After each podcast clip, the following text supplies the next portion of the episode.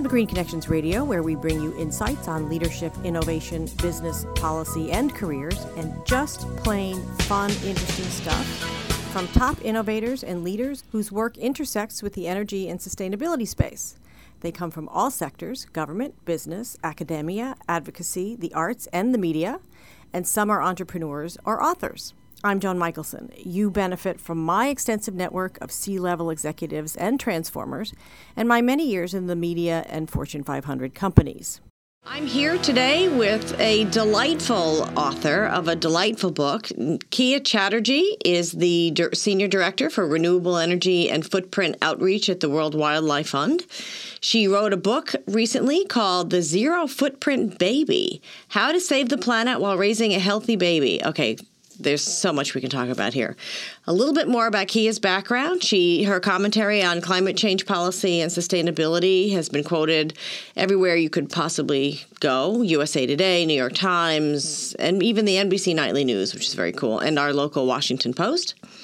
She was a Peace Corps volunteer in Morocco. I actually visited Morocco. We can talk about that sometime. She recently rode her bike from New York City to Washington, D.C. as part of Climate Ride. Oh my goodness. She has a master's, a bachelor's, and master's degrees in environmental science from the University of Virginia. Welcome to Green Connections. Thank you so much for having me, Joan. You're welcome. Tell us a little bit about the most surprising thing that you encountered in deciding to raise your child with a zero carbon footprint? Well, I think the most surprising thing for us was uh, that it was even possible. You know, I started doing all this research about how we could reduce our carbon footprint and what we could do in our home, what we could do about how we get around, diapers and feeding and and I was doing all this research thinking in my mind that really what we could accomplish was just having less of an impact. And when I started adding up all the numbers and realizing, wow, we can actually continue to reduce our carbon carbon footprint, even having an additional person in the home. How much time does it take? Because it seems to me that it might be more labor intensive and time intensive. Yeah, I think it's a totally different lifestyle. And so I think the way we use our time is really different from the way we used to use our time. Because what happens is in the summertime, we're always at the pool, we're always at the fountains. There are these great new parks, and we meet so many families and we meet up with friends all the time. Same thing in the wintertime. And so it's not that it takes time, it's just we, we use our time really, really differently. Um, you know, for for some of the apartment dwellers who are listening, so the buildings often amortize the costs of power yeah. over various apartments, especially for heat. Yeah. And uh, some of it's on your electrical bill, and sometimes some of it is amortized across. And so basically, they'd be paying for it anyway. Yeah but I took this up with my building and I said for me to be making an effort to be reducing my energy use and my water use still having to pay the same amount because everybody else is using the same doesn't seem fair. Yeah. No, it's absolutely true. And I think in my book, what I try and do is have sections that are for people who live in apartments and people who, who live in homes. But there's a real, uh, you know, there's a misalignment of, of incentives when you don't have apartments build for their energy. And, and that's, that's something that, you know, it's great that you brought it up with your own building. And that's the kind of thing I also talk about a lot in the book. But then, you know, I have a few chapters in the end that are all about people around you, getting more support from people around you, whether that's your family and friends, but also getting more support from society at large. So that could be your landlord. But I would imagine you also get pushback from some of your peers in society because, especially raising a kid and being, you know, parenting is extremely emotional. It's emotionally charged, right? And everybody wants to believe that the way they're doing it is the right way. Yeah. So, how did you handle when people would?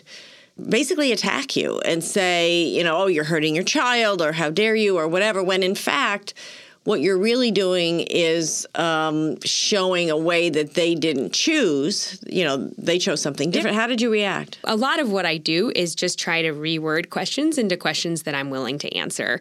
Um, and I have a section in the book that's about how to deal with friends and family because we got we did get a lot. You know, I wouldn't say a lot, but we got we got people who were who were highly highly critical of of of what we were doing. And for me, you know, someone will say like, "Oh, well, you know, like you have leather shoes on, so how dare you do blank?" And I'll say, you know what? I think really what you're trying to ask is 100% of my actions aren't don't seem to be consistent with what I'm saying and and how do I how do I achieve that balance? And then I answer the question I'm willing to answer, which is that question. And so I, I think that I think that's a great tactic in general is just to take what they say, try and uh, take the emotion out of it and and That's a great idea. So basically you step back. You don't you don't let them hook you and you take a step back and and reframe it in your head. Oh, I love that. Um, let me get to a couple. just really quickly, can you give us some tips for people who might not have the time or the money or the knowledge that you have? Some things that are easier for sort of the average American to do.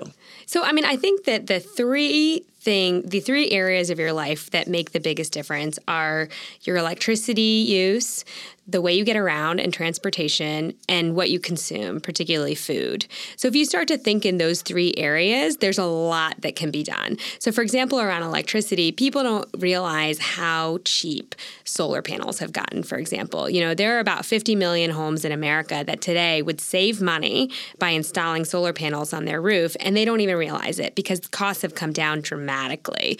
Um, you know, obviously, saving energy saves money, um, but moving to, to renewable sources of energy also saves money. Same thing around transportation. Getting a more efficient car has a dramatic effect compared to, to a lot of other actions that you can take. And then around consumption, you know, and, and food in particular, one, one place to focus that I think is relatively easy for people is around food waste. So in this country, you know, uh, estimates vary, but, you know, we, we throw away nearly half of the food that we produce. So we spend a lot of energy making fertilizer fertilizer, transporting food, growing this food, and we throw a lot of it away. So, are you talking about like using food for co- food waste for compost? Uh, if you have a garden, I mean, we did a story on uh, DC Central Kitchen, which uh, collects.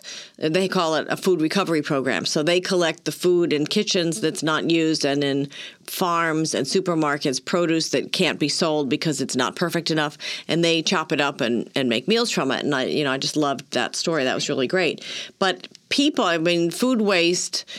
I'm I'm the queen of doggy bags, and I have people who laugh at me all the time about it. And I'm like, hey, I'm not going to waste it. Yeah. You know, plain and simple. And you know, I eat less more often, so I'm gonna, I, I'm actually gonna eat this. Yeah. You know, later.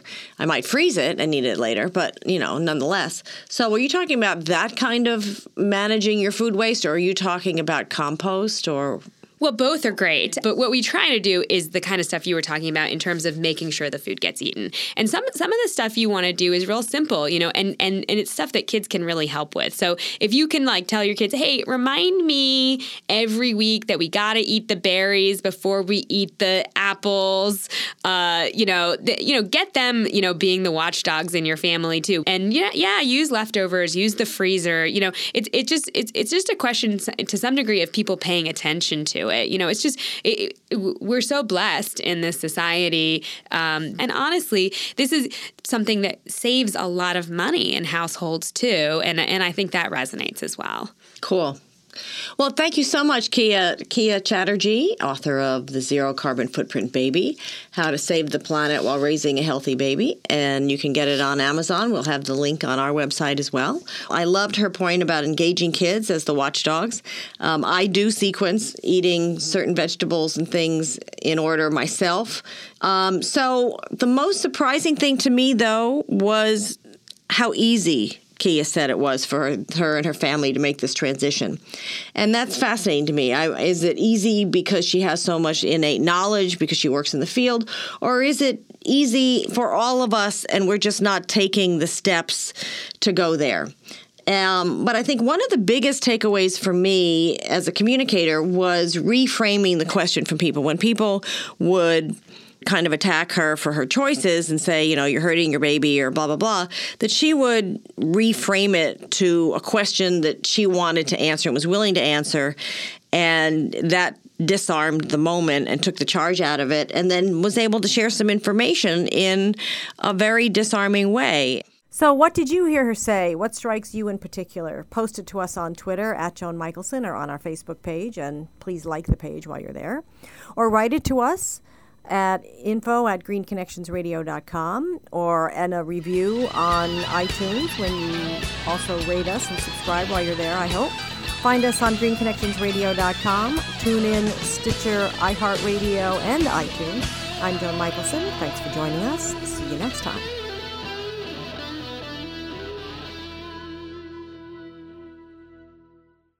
Hi, my name is David Goldberg, president of Edge Studio, a voiceover company. We oversee professional narrators and voice actors for sales videos, training videos, telephone pre recorded systems, commercials, web videos, and all applications requiring voiceover. And in fact, for over 20 years and in over 100 languages, we have been considered the most trusted and the friendliest leader in the voiceover industry. We're a green company with efforts toward sustainability at all of our studio locations. EdgeStudio.com. Sound people who are happy to help.